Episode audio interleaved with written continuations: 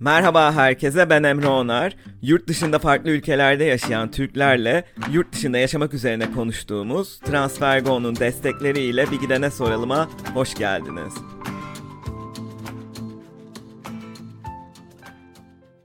Transfergo uygun kur ve düşük gönderim ücretiyle çok hızlı hatta aynı gün içinde uluslararası para transferi yapabileceğiniz bir mobil uygulama.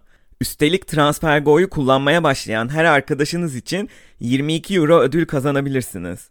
Daha önce ilk sezonda 10. bölümde Demet ile Prag'ı konuşmuştuk. Şimdi ise Çek Cumhuriyeti'nin ikinci büyük şehri Brno'ya gidiyoruz ve bölgenin Silikon Vadisi gibi olan bu şehri orada IBM'de çalışan Eralp ile konuşacağız. Eralp 2015'te İzmir Ekonomi Üniversitesi'nde bilgisayar mühendisliği bölümünden mezun olduktan sonra önce İzmir'de sonra İstanbul'da aynı şirkette çalışıyor ve iki buçuk sene önce 2019'da Brno'ya transfer oluyor. Eralp'le önden konuşmamızda bahsettiğine göre oradaki minik Silikon Vadisi ortamı sayesinde Türkiye'den ciddi bir geliş başlamış. Ama bilişim sektöründekilerin çoğunun Brno hakkında fikir sahibi olmadığını düşündüğünden yurt dışına gitmek isteyenler için faydalı olabileceğini düşünerek bana geçen sene ulaşmıştı. Ve sonunda bu kaydı gerçekleştiriyoruz. Ee, bu arada kendisi iş hayatının yanı sıra Atıp Tutuyorum isimli film hesabının da sahibi. Ee, isabetli film yorumları için takip edebilirsiniz diyerek ufak da bir reklam yapayım. Ee, merhaba Eralp, hoş geldin. Emre merhaba. Çok teşekkür ediyorum. Hem tanıtımın için hem de blogun reklamı için. Ne demek? Öncelikle sen benim adıma bir giriş yaptın ve asıl e, bu podcast'i beraber ayarlamamızın ana sebebini de söyledin. Teşekkürler. Ben kısaca bir tekrar özet geçeyim e, kendi açımdan istiyorsan. Olur. Dediğim gibi 2015 yılında e, mezun oldum. Bilgisayar mühendisliğini bitirdim. Mezun olduktan sonra yaklaşık 3-4 sene İstanbul'da IBM'de çalıştım teknik bir roldeydim. Yani mesleğimi yapıyordum diyebilirim. 2015'ten 18'e kadar çalıştığım süreçte bir rol değişikliği gerçekleşmedi. E, herhangi bir yurt dışı planım da yoktu. Fakat 2018 yazında e, işler biraz değişti. Döviz kuruyla ilgili bazı gelişmeler, bazı siyasi mevzuların insanları artık böyle iyice ip gibi germesi vesaire derken biz de yavaş yavaş bir arayışın içerisinde sürüklendik eşimle beraber. Bunun üzerinden de İstanbul'da çalışırken şirket üzerinden geçiş yapabileceğim noktaları araştırdım. Brno e, Çek Cumhuriyeti'nde bu noktalardan bir tanesiydi. Diğeri de Polonya'da Wrocław şehriydi. E, Brno'nun Wrocław'a göre biraz daha ağır bastığını düşündüğüm bazı yönleri vardı. Belki de ülke olarak bilmiyorum. Tercihimizi buradan yana kullandık ve geliş hikayemiz böyle başladı. Yani girişi bu şekilde yapabilirim en azından. O zaman e, yurt dışına taşınmayı aslında hiç aklında yoktu yani birazcık e, Türkiye'nin değişen şartları seni oraya götürdü diyebiliriz. Peki şimdi iki buçuk senedir orada yaşayan biri olarak arada da Covid dönemi geçti. Brno ve Çek Cumhuriyeti'nde yaşamaktan memnun musun? Sevdiğin yanları neler? Evet, e, yurt dışında yaşama hayali çok fazla olmayan bir insan olarak buraya gelirken de beklentimi e, biraz o doğrultuda ayarladım. Çok hevesli bir şekilde, çok yüksek beklentilerle buraya geldiğimi söyleyemem. Biraz amacım Türkiye'de içinde bulunduğumuz e, maddi ve manevi bazı sıkıntılardan arınmaktı ilk amaç. Ve bu beklentisiz gelişin sonucunda oldukça memnunum diyebilirim şu an için. Keşke dediğim ya da tüh dediğim herhangi bir an olmadı son 3 sene içerisinde. Ne kişisel anlamda ne de kariyer anlamında. Memnun musun dışında sevdiğin yanları nelerdir dedin. E, buraya geldiğimizde ilk başta sadece ben çalışıyordum. O süreçte biraz sıkıntılar yaşamadık değil. Tek başına çalışırken çift olarak veya işte çocuklu bir ailede de e, bu tip sıkıntılar olabilir. E, işler yolunda çok gitmeyebiliyor. İki kişinin çalışması ile tek kişinin çalışması arasında büyük farklar olabiliyor. O açıda biraz sıkıntılı bir süreç geçirdik ilk başta. Çok fazla e, hayal satabileceğim bir noktada değildik. Fakat e, eşim de çalışmaya başladıktan sonra işler bayağı değişti. Onu söyleyebilirim. E, Bruno'nun sevdiğim yanları ortaya çıkmaya, o, o dönem ortaya çıkmaya başladı. Brno ile ilgili görece küçük bir şehir olduğunu söyleyeyim. Avrupa standartlarında çünkü ortalama büyüklükte bir şehir olarak kabul ediliyor. 500-600 bin kişi yaşıyor yaklaşık ve neredeyse şehirde her yere yürüyerek ulaşılabiliyor. Öğrenci ve expat popülasyonu çok yüksek. Akşam vakti geldiğinde böyle ölü bir Avrupa şehrine dönüşmüyor kolay kolay. E, hayat pahalılığı da birçok Avrupa şehrine göre makul bir seviyede. Herhangi bir mekana girdiğinizde böyle acaba kazıklanır mıyım sorusunu Brno'da lügatınızdan silebilirsiniz. Ondan emin olarak bahsedebilirim. Spor yapmak isteyen veya herhangi bir hobi edinmek isteyen insanlar için çok çeşitli imkanlar mevcut. Bu anlamda İngilizce konuşan özellikle insanlar bulmak da çok kolay. Bunu e, özellikle belirtiyorum çünkü Çek Cumhuriyeti bazı Batı ve Kuzey Avrupa ülkelerine göre İngilizcenin çok yoğun kullanıldığı, e, insanların herkesin İngilizce bildiği bir ülke değil. Ama burada İngilizce bilen insanlarla o komüniteyle iletişimde kalmak çok kolay. Bunun dışında özellikle sıkıldığınızda yani burada küçük şehir yaşantısı ve bunun avantajlarını yaşıyorsunuz. Ama bundan sıkıldığınız zaman, bunun bu rutinden çıkmak istediğiniz zaman büyük şehirleri gezip görme imkanı olması çok büyük bir avantaj. Büyük şehirlerden kastım e, Viyana, Prag, Budapeşte ve Bratislava özellikle bu dört büyük şehir, dört büyük başkent. Ee, bu şehirlere ulaşım burnu üzerinden çok kolay. Hepsinin ortasında kalıyor ve dediğim gibi küçük şehirden büyük şehre kaçmak istenildiği zaman bunlar güzel alternatifler her ne olursa olsun. Son olarak da buraya gelirken daha doğrusu buraya gelen Türk ekspatlar genelde genç ve IT sektöründe çalışan kişiler oluyor. Türkiye'de ve burada seninle benzer deneyimlerden geçmiş insanlar bulmak ve tecrübeleriniz hakkında konuşabilmek, tartışabilmek, e, böyle yeni şeyler öğrenebilmek çok kolay. Bence e, benim Brno'nun en sevdiğim yanlarından bir tanesi de bu. Çünkü kendine yakın hissettiğin, e, benzer sıkıntılardan geçmiş olduğunu düşündüğün kişilerle ortak yönlerin oldukça fazla oluyor. Bence bu da oldukça kıymetli. E, bu e, konuya gelmek istiyorum aslında. Çok merak ettim çünkü sen söylediğinden beri işte IT sektöründe çok fazla çalışan var dedin ve işte Silikon Vadisi gibi yapılanma olduğundan bahsetmiştin. Bunu biraz açabilir misin? Şöyle özetleyeyim. Birçok IT firması yani sadece IT firması değil genelde kurumsal firmalar e, özellikle tercih etmeye çalışıyor ama IT firmaları yoğunluklu. Bunu açık şekilde söyleyebiliriz. Birçok IT firması Brno'yu Avrupa Birliği'nin ucuz iş gücü olarak değerlendiriyor. Yani örnek veriyorum büyük kurumsal bir firma burada e, yine büyük hub'lar kuruyor ve örneğin Almanya'da e, herhangi bir personel için 5 harcayacaksa tamamen örnek veriyorum şu an. Burada 3 harcayarak aynı kişiye maddi yükünü hafifletebiliyor. Özellikle bu hub'ın burada ne kadar büyük çaplı kurarsa kendisi için de o kadar karlı oluyor tabii ki hem Amerika hem de Avrupa merkezli birçok firma yatırım yapıyor. Yani bu hub'lar kurulurken burada birçok yani nasıl söyleyeyim şirketin dışında şirketlerin dışında da başka yatırımlar söz konusu oluyor. IT sektörünün her seviyesinde çok fazla iş ilanı var. Bundan kastım hani giriş seviye, orta seviye ya da böyle daha tecrübeli senior kişilerin başvurabileceği tipte pozisyonlar her tür iş ilanı var. Özellikle nüfusu oranladığımızda bu açıdan işsizlik oranı Avrupa Birliği'nin en düşük işsizlik oranı Çek Cumhuriyeti'nde. Özellikle alanında yani IT alanında herhangi bir yani bunu mikro olarak şimdi tabii ki şey yapamayacağım gözlemleyemeyeceğim ama herhangi bir IT alanında minimum 2 sene tecrübesi olanlar için çok ideal iş, iş e, alanları olduğunu ben görüyorum. Yani LinkedIn'e girdiğiniz zaman burada olmanıza gerek yok. Türkiye'de olan herhangi birinin LinkedIn'de e, Brno'daki IT işlerine baktığında kendine uygun olabilecek işler bulabileceği çok açık. Yani İngilizce bilmenin, sadece İngilizce bilmenin öyle söyleyeyim e, bile yeterli olabileceği çok sayıda iş bulunabiliyor. Ve bundan kastım şu, IT alanında teknik yeterli olan kişiler zaten rahatlıkla iş bulabilir burada. Ama bu alanda çalışmayan, e, sadece İngilizcesi olan kişiler bile customer support gibi hani bu tarz alanlarda sırf Avrupa'ya adım atmak için buradan birçok fırsatı değerlendirip gelebiliyor.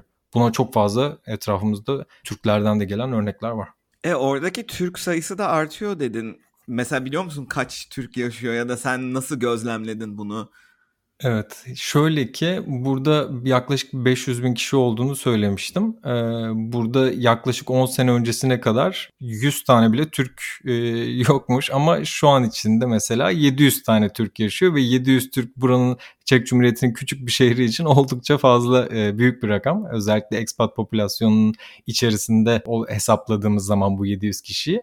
Bir de bu bahsettiğim kişi sayısı sadece buraya kayıtlı olan çalışan, burada çalışan 700 kişi. Bunun dışında buradaki üniversitelerde çok büyük e, üniversiteler olduğu için gelen Türk öğrenci sayısı özellikle Erasmus değişim programı ile gelen ya da direkt üniversite e, lisansa, yüksek lisansa okumaya gelen birçok Türk öğrenci oluyor. E, bunlarla beraber şehirde ciddi bir popülasyona ulaşıyor. E, burada en çok Ukraynalılar, Bulgaristan, Romanya gibi ekonomik anlamda daha alt seviyede denebilecek Avrupa ülkelerinden gelen insanlar fazla. Zamanında Türkiye'den gelen de çok yokmuş. Yani bu Türkiye'deki ekonomik durumun görece daha iyi olduğu dönemde. E, fakat 2017-2018'den sonra işler biraz belki tersine dönünce buradaki popülasyonumuz da hızlı bir şekilde artmaya başlamış. Bunun sebebi de biraz iş bulmanın kolaylığı diyebilirim diğer Avrupa ülkelerine göre. Evet e, bu noktada aslında yurt dışında iş arayanlar için güzel bir e, nokta olduğunu fark ettim ben de senin hani anlatımından sonra. Çünkü benim de bir bilgim yoktu açıkçası. Ben de yeni bir şey öğrenmiş oldum sayende. E, peki orada iş bulmak isteyenler için verebileceğin herhangi bir tavsiye var mı? Evet yani e, herhangi bir alanda tecrübesi olmayan sadece İngilizce bil, yani İngilizce bilen ve bu alanda çalışabilecek, İngilizce bildiği yani bilmesinin yeterli olabileceği herhangi bir alanda çalışmak isteyenler için LinkedIn'de customer support odaklı işlere bakmalarını öneririm. Bizdeki çağrı merkezi e, gibi düşünebiliriz ama e, bu biraz daha kapsamlı olabiliyor tabii ki. Çeşitli alanlarda teknik destek verenler olabiliyor. Bunların eğitimlerinden geçmek gerekebiliyor şirkete girerken. Ama bu bahsettiğim tarzdaki işlerin çoğunda İngilizce bilmek yeterli oluyor ve e, şirketler e, özellikle büyük şirketler işe alırken e, bu vize sponsorluğu konusunda yardımcı oluyorlar. Bu çok kritik bir değişken. E, hiç konuyla ya da IT ile alakası olmayan insanlar için güzel bir tabiri caizse kaçış planı olarak kenarda durabilir. E, tecrübesi olanlar için özellikle IT alanında tecrübesi olanlar için LinkedIn'de girdikleri zaman kendi iş pozisyonları ile ilgili keywordleri arattıklarında zaten burada yeterli sayıda ilan bulacaklarını eminim. Prag'da da bu arada aynı şekilde benzer sayıda ilanlarla karşılaşılacak ama hani Brno'da daha az insan yaşıyor. E, çok iş var. Buradaki sirkülasyon IT anlamda fazla olduğu için iş bulmak belki ilk gelişte biraz daha kolay. O yüzden Türkiye'de normalde nasıl iş arıyorsa LinkedIn'den herhangi bir IT uzmanı kendi alanında burada da çok rahatlıkla o şekilde arayabilir. Türkiye'den gelmesinin çok büyük bir kayıp e, olduğunu söyleyemem. Yani Avrupa Birliği içerisinden insanları tercih etmeye çalışıyorlar tabii ki de haliyle. Ama baktığınız zaman Çek Cumhuriyeti de birçok Avrupa Birliği ülkesine ucuz iş gücü olarak hizmet vermeye çalıştığı için, kendini öyle konumlandırdığı için Türkiye'den gelenlere de haliyle kapı açık oluyor. Peki iş hayatının Türkiye'ye göre farkları neler? Benim kendi açımdan yorumlamam gerekirse ki zaten başka çok e, opsiyonum yok. 180 derece farklı diyebilirim. Hmm. Türkiye'de yaptığım iş tamamıyla teknik bir işti. Sistem yöneticiliği olarak geçiyordu ve ömrümün sonuna kadar yapmak istemediğime emin olduğum bir işti. Öyle söyleyeyim. İletişim yönü ağır basan bir role geçmek istiyordum ben sektörün içerisinde. Yani insanlarla daha çok koordine olmam gereken, daha organizasyonel özelliklerimi geliştirebileceğim, biraz daha soft skill'lerimi geliştirebileceğimi umduğum bir role geçmek istiyordum. Bu fırsat Türkiye'de önüme geldi. Pre-sales departmanında satış tarafında bir iş bulmuştum. Aynı anda Çek Cumhuriyeti'nden teklif almıştım. Şöyle bir detay vardı. Türkiye'deki iş e, satış tarafındaydı. Daha istediğim tarzda bir roldü. Ama Çekya'daki iş de e, Türkiye'dekiyle birebir aynıydı. Yani teknik işte bu noktada bayağı sancılı bir karar süreci geçti. Eşimle beraber bunun üzerine bayağı bir düşündük ne yapmamız gerektiği konusunda. Sonunda çok da sevmediğim o teknik departmandaki işi tercih ettim. Sırf Çek Cumhuriyeti fırsatını değerlendirebilmek için. Ee, sonrasında buraya geldikten bir sene sonra o rolde çalışıp buradaki rolde bir seneyi tamamladıktan sonra yine bahsettiğim gibi istediğim bir alanda daha iletişim odaklı denilebilecek bir IT rolünde burada iş buldum. Yine şirket içerisinde bu arada. E, ve o role geçtim. İyi ki o değişikliği İstanbul'da değil de burada yapmışım e, diyebilirim bu açıdan. Çok güzel bir noktayı aslında parmak bastın.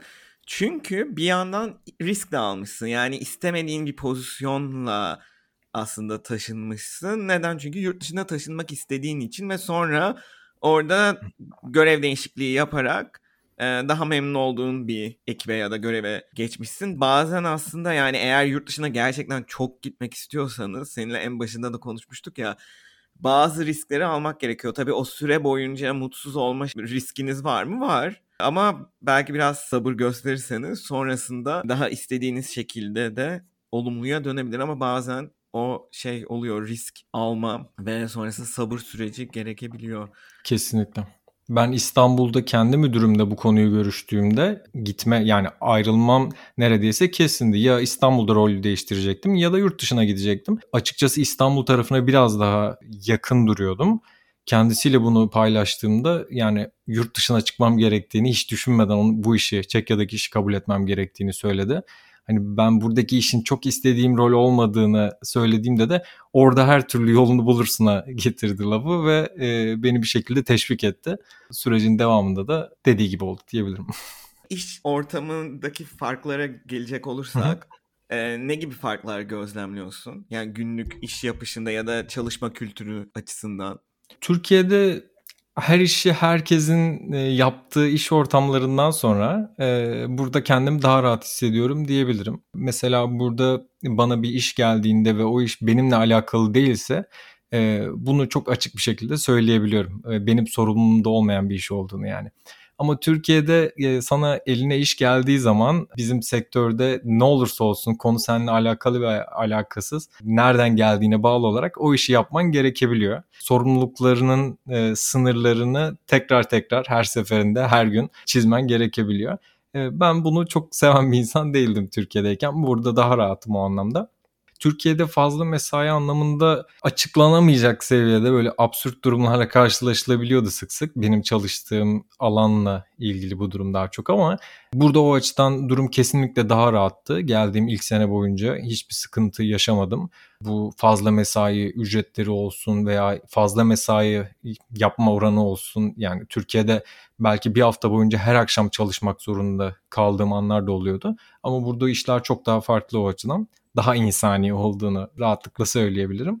Ve aklıma yani son gelen bu iş yaşam dengesini Türkiye ile kıyasladığımda arada e, net bir uçurum var. Bunun tabii buranın küçük bir şehir olmasından da kaynaklı olduğunu söylemeden geçemem. Çünkü burada ben örnek veriyorum 4.30'da mesaim bittiği zaman yani 4.45'te 5'te şehrin herhangi bir yerinde arkadaşlarımla buluşup bir şeyler içebiliyorum ya da kendime vakit ayırabiliyorum, plan yapabiliyorum. Ama ben İstanbul'da Gayrettepe'de yaşıyorduk ve e, Levent'te çalışıyordum. O kadar yakın mesafede olmasına rağmen yani Beşiktaş'a gidelim bir şeyler içelim dönelim. Yani o küçücük üçgende bile rahat rahat hareket edemiyorduk. Trafik e, sıkıntıları yaşıyorduk. Birçok derdin tasasını yaşadım yani İstanbul'un küçük bir e, bölgede de olsa. Burada o açıdan gerçekten e, büyük bir lüks söz konusu. Evet aslında Avrupa'da yani daha büyük şehirlerde bile yaşayan konuklarımın sık sık dediği noktalardan biri bu iş yaşam dengesi olması İstanbul'a kıyasla ki sen İstanbul'da bayağı ideal bir setupta yaşıyormuşsun. Gayrettepe, Levent hani ulaşımı gayet e, rahat. Hani Anadolu yakasından benim gibi Avrupa yakasına geçen insanları düşünecek olursak bu anlamda kesinlikle çok Avrupa ülkesinde ve diğer ülkelerde de e, böyle bir fark var. Peki ilk taşındığın zamanlar herhangi bir kültür şoku yaşadın mı? Bunu Prag'daki arkadaşımla da konuşmuştuk. Böyle birkaç nokta söylemişti. Hatta bazılarına şaşırmıştım. Bilmiyorum senin olmuş muydu herhangi bir kültür şokun? Ülkeye ilk geldiğimde çok fazla beklenti içerisinde herhangi bir beklenti içerisinde olmamanın getirdiği durum yani durumdan bahsetmiştim. Bu sebepten galiba çok fazla kültür şoku yaşamadım diyebilirim. Adapte olmaya çalıştım daha çok. Sadece şu aklıma geliyor. Yabancılar ofisinde gerçekleşen bu tüm evrak süreçleri yani çalışma vizesi veya oturum izni gibi bu gibi e, süreçlerden bahsediyorum. Hepsi oldukça enteresan işliyor. Çok yavaş ilerliyor. Bu eski demir perde döneminin hatırasını koruyan sancılı süreçlere sahipler diyebilirim iyileştirmeye çalışıyorlar. E, dijitalleşmeye çalışıyorlar ellerinden geldiği kadar ama pek umut vermiyor bu açıdan. Bu anlamda genel bir yabancı düşmanlığından bahsedemem ama böyle çok da kucaklayıcı bir görüntü çizdiklerini söylesem e, yalan olur. Yani şu şekilde şirketler e, yabancıların e, buraya gelmesini istiyor. Onlara iş imkanı sağlıyor. Burada bu şekilde bir döngü var.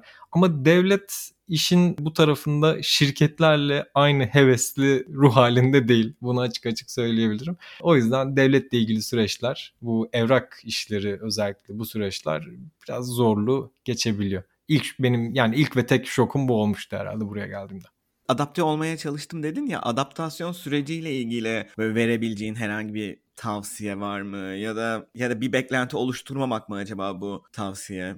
Şöyle, eee, İstanbul'da çalışırken, eee, İstanbul'da çalıştığım işte, yani, çok memnun olmasam da o işten ekiple aram çok iyiydi. Kendi müdürümle aram çok iyiydi. Yani, o anlamda hiçbir iletişim anlamında ya da arkadaşlık anlamında hiçbir problem yaşamıyordum. Buraya geldiğimde de galiba biraz beklentilerim o yöndeydi. Fakat geldiğimde fark ettim ki, eee, insanlar, eee, o kadar da sıcakkanlı olmayabiliyor. Ben ilk geldiğimde, daha ilk günümde kendi ekibimdeki arkadaşlarımla tanıştığımda, yani, bir öğle yemeğine davet etme bile gerçekleşmedi. Yani, böyle enteresan, şeyler olabiliyor. Sonrasında yavaş yavaş öğreniyorsun. Buradaki Çekle özellikle Çeklerin, Slovakların, daha çok bu bölgede bu bölgede yaşayan insanların, hani, expat'lar için bunu özellikle söylemiyorum çünkü o anlamda gerçekten hepsi bize benziyor buraya gelenlerin. Ama Çeklerin özellikle çok daha yaklaşımları farklı olabiliyor. Onların yabancılara karşı o kabuğu kırma eee, süreci çok daha yavaş ilerleyebiliyor. O anlamda biraz zorlu olmuştu. Çünkü ben buraya ilk gelirken eşim eee, vize bekliyordu hala. Tek başına gelmek zorunda kalmıştım. İlk 1-2 ay o yalnızlık sürecini acaba doğru mu yaptım hani şeyine eee, böyle bir anlık yaşamıştım. Fakat çok kısa sürede geçti diyebilirim. Şimdi iki buçuk senedir orada yaşıyorsun. Alışmışsın da anladığım kadarıyla Çek Cumhuriyeti'nde ve Brno'da yaşamaya genel olarak. Peki Çek kültürünün sevdiğin yanları neler? Bira kültürü ilk sıraya yazabilirim. Çünkü e, bu sadece hani bir yani birayı şöyle açıklayabilirim. En büyük sosyalleşme aracı belki de Çek kültüründeki. Bu insanların sosyal yaşantılarına çok farklı şekilde etki ediyor. Çoğunlukla insanlar işini, mesaisini bitirdikten sonra merkezde buluşup dışarıda e, mekanların e, dışında ayakta herhangi bir herhangi bir mekan olabilir bu. E, biralarını alıp içiyorlar, sohbet ediyorlar ve hani o kadar sıradan ve spontane şekilde gerçekleşiyor ki bunlar. Hani böyle plansız, programsız şekilde. Kendini burada yaşadığın için şanslı hissediyorsun. Bu kültürün içerisinde olduğun için şanslı hissediyorsun. Rahat hissediyorsun. Ee, bunun dışında toplumun %60'ının ateist olmasından ötürü dinsel anlamda herhangi bir baskı veya ötekileştirme söz konusu değil. Ekonomik anlamda benzer kalibrede olan bu Polonya, Macaristan gibi ülkeler kadar böyle aykırı çocuk olmaya çalışmıyor ayrıca e, Çekler. O güzel bir şey bence. Yani Avrupa Birliği destekçisi orta yolcu, mütevazi bir ülke olma çabasında daha çok. E, ne batıya ne kuzeye ne doğuya yakınsıyor. Hepsinin ortasında kendi yolunu bulmaya çalışan bir kültürü var. Bunun dışında Çek kültürüyle ilgili bu ailevi veya sağlıkla ilgili durumlar söz konusu olduğunda e, oldukça anlayışlılar. Yani bunu Türklerde de durum aynı olduğu için en dikkat çeken şeylerden biri olarak bunu söyleyebilirim. O anlamda da hiçbir absürt bir durumla karşı karşıya kalmadım. Şey enteresan yani kıyaslama oldu. Aslında Polonya ve Macaristan hani benzer kalibrede ülkelere göre hani dini yön açısından daha farklı olması. Çünkü Polonya'daki konumla bunu konuşmuştuk mesela. Çok katolik ve dine, milli kimliğe bağlı bir ülkeymiş. Mesela o konuları konuşmuştuk. Doğru bunu Demet de bu durumdan bahsetmişti. Ülkenin büyük çoğunluğunun ateist olmasından. Ee, enteresan bir durum bu da. Evet Çek Cumhuriyeti'ni biraz daha farklı bir e, noktaya koyuyor. E, vatandaşlık sürecini aslında o bölümde bayağı detaylı konuşmuştuk ama bilmiyorum senin o konuda eklemek istediğin bir şey var mı? Vatandaş olmayı düşünüyor musun orada? Böyle kaç senen kaldı? Çekçe ne seviyede öğrenmek gerekiyor? Çekçe öğreniyor musun? Soruları bombaladı arda arda. Şu şekilde özet geçeyim o zaman ben. Burada yaklaşık iki buçuk senedir buradayım. Beşinci senenin sonunda kalıcı oturum vizesine başvurabiliyorum. Çalışanlar için söylüyorum bunu. 10. senenin sonunda vatandaşlık için başvurabiliyorsun. Çeklerin bu konuda biraz pimpirikli olduğunu söyleyebilirim. Birçok ülkeye göre daha geç kalıcı oturum vizesi ve vatandaşlık e, verdiğini söyleyebilirim en azından. 5 senenin sonunda kalıcı oturum vizesini alabilmek için A2 seviyesinde Çekçe, vatandaşlığı 10. senenin sonunda alabilmek için B2 seviyesinde Çekçe bilmek gerekiyor.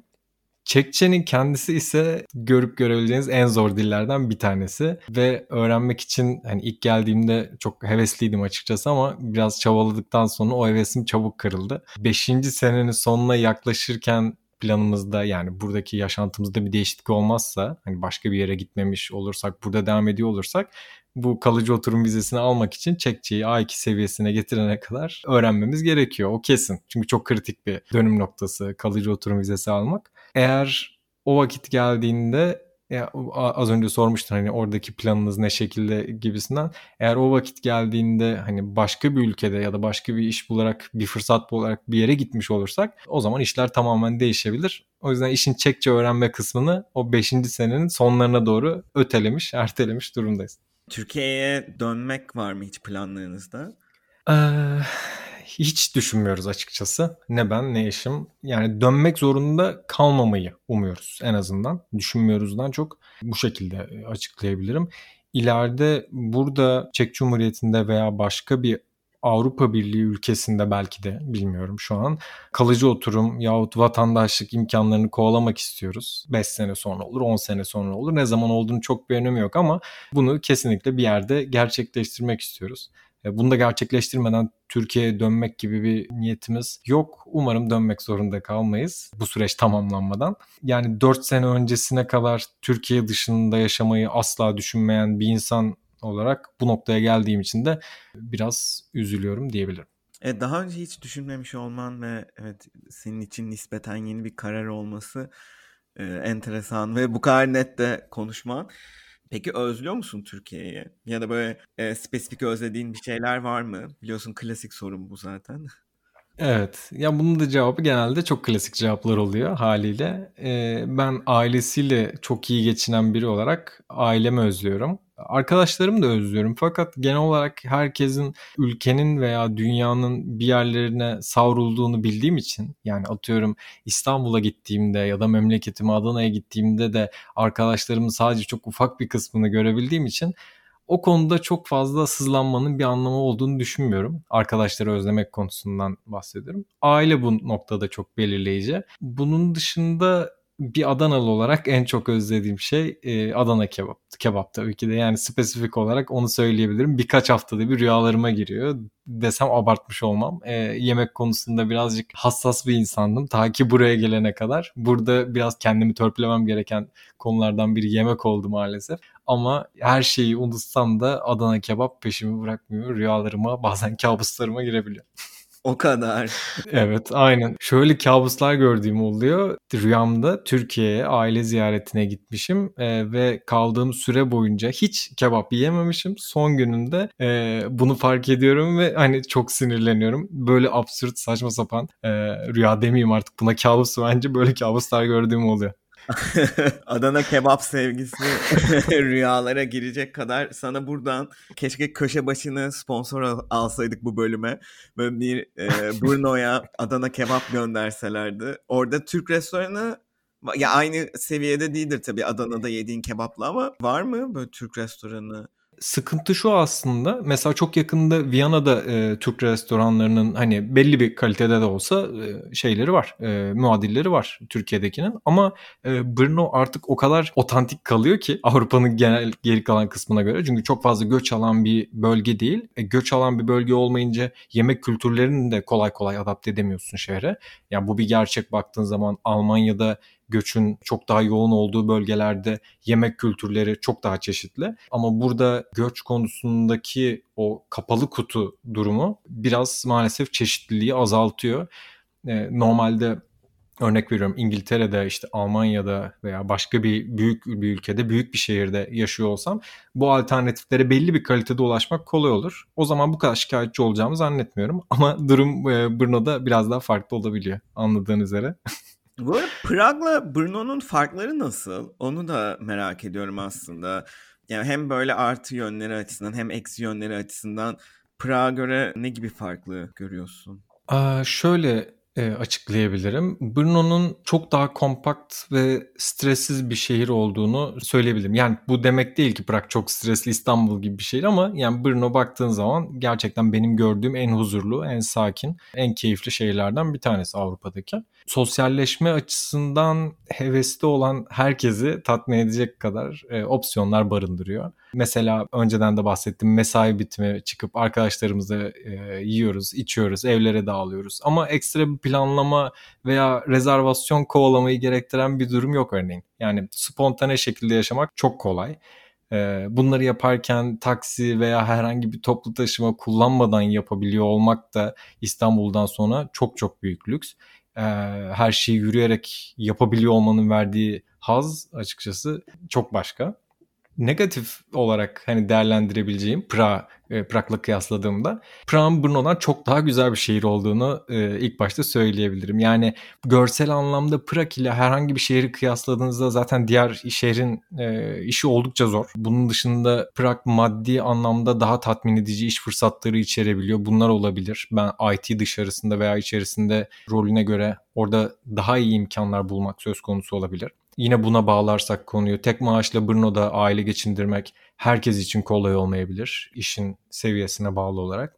Bir nevi bunu İzmir İstanbul kıyaslaması tadında da düşünebilirsin. Tam karşılığı hani bu şehirlerin kültürel olarak aynı değil ama iş anlamında baktığınız zaman e, benzer bir durum söz konusu en azından. Bunun dışında düşündüğümde e, tabii Prag'ın kendi havalimanı olması büyük bir avantaj. Biz Brno'da e, Viyana'ya daha yakın olduğumuz için Viyana havalimanını kullanmak durumunda kalıyoruz. Sanırım bu kadar. Süper. Gayet güzel bir kıyaslama oldu bence. Bu arada çok güzel cevap verdin tüm sorulara. Gerçekten çok net ve açıklayıcı evet, oldun. Bence bilmiyorum hem Brno'yu merak edenler için, Çek Cumhuriyeti'ni ya da genel olarak merak edenler için hem de taşınmayı düşünmek isteyenler için faydalı bir bölüm oldu diye düşünüyorum. Senin eklemek istediğin herhangi bir şey var mı? buraya gelme niyeti olan, daha doğrusu buraya gelme niyeti olarak kısıtlamak istemiyorum. Türkiye'den Avrupa'ya herhangi bir şekilde Avrupa Birliği ülkesine adım atma amacında olanlar, kendi alanında belki de birkaç sene tecrübesi olan ama cesaret etmekten korkan herkesin e, bu bölgede iş araması gerektiğini ve en azından buradaki iş arayış sürecinde çeşitli belki de mülakatlara girerek kolaylıkla mülakat tecrübesi elde edebileceklerini söylemek istiyorum.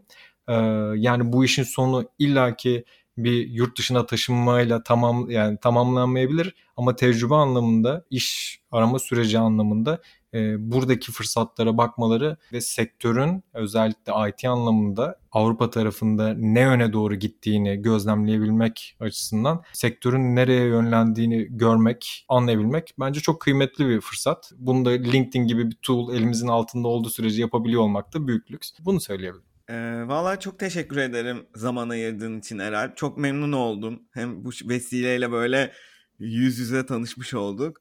Hem de senin ağzından Çek Cumhuriyeti'ni ve Brno'da hayatı dinlemek keyifliydi benim için. Teşekkür ederim katıldığın için. Ben de çok teşekkür ediyorum. Hem bu e, fırsatı bana tanıdığın için hem de Brno ve Çek Cumhuriyeti hakkında fikirlerimi ilgili kişiler için paylaşmamı sağladığın için. Çok teşekkürler. Görüşmek üzere. Görüşmek üzere. Dinlediğiniz için teşekkürler. Uygun kur ve düşük gönderim ücretiyle yurt dışı para transferlerinizi kolayca yapabileceğiniz TransferGo sundu. Instagram ve Twitter'da bir gidene soralımı takip edebilirsiniz. Bir sonraki bölümde görüşmek üzere.